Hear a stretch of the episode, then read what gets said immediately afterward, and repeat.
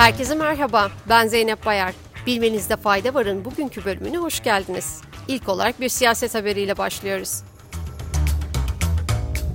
Eski ABD Başkanı Donald Trump, 2024'teki başkanlık seçimleri için adaylığını resmen duyurdu. 8 Kasım ara seçimlerinde Cumhuriyetçi Parti'ye yönelik daha fazla başarı gösteremediği yönündeki eleştirilerin haklı olduğunu belirten Trump, ülkenin içinden geçtiği zorluğun 2024 başkanlık seçimlerine kadar çok daha kötü olacağını ve bunun daha da net anlaşılacağını söyledi. Trump ayrıca Biden'ın dış politikasına yönelik sert eleştirilerde bulunarak başkan olsaydım Ukrayna krizi asla olmazdı dedi. Sırada bir piyasa haberimiz var. New York Fed'in banka ve finans kurumlarıyla ortak çalışarak dijital doları test edeceği bildirildi. Citigroup ve Wells Fargo'nun da aralarında bulunduğu bankalar 12 haftalık testin bir parçası olarak Fed'in New York İnovasyon Merkezi ile yeni bir network üzerinde çalışacak.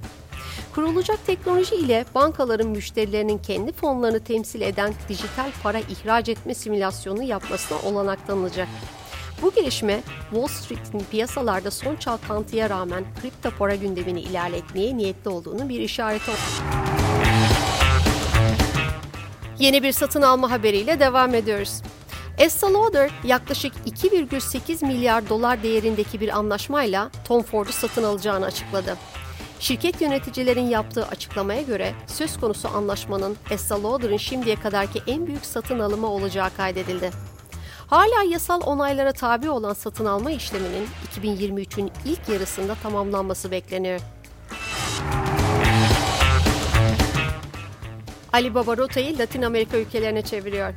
Çinli e-ticaret devi Alibaba, Çin'deki ticaretin yavaşlaması ve pazarda artan rekabet nedeniyle Latin Amerika ülkelerinde büyüme kararı aldığını açıkladı.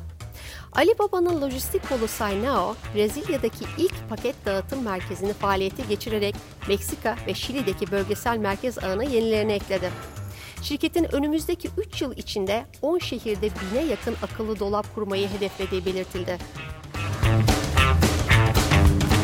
Son haberimiz teknoloji sektöründen. TikTok ve Mera'nın ardından YouTube'da alışverişin geleceğine yatırım yapan dijital platformlar kervanına katılıyor. YouTube'un TikTok benzeri kısa biçimli video ürünü Shorts'a alışveriş özelliği geliyor. Yeni alışveriş özelliği kullanıcıların Shorts'ta gezinirken ürün satın almalarına olanak tanınacak. Bilmenizde fayda varın bugünkü bölümünün sonuna geldik. Sağlık ve mutlulukla kalın.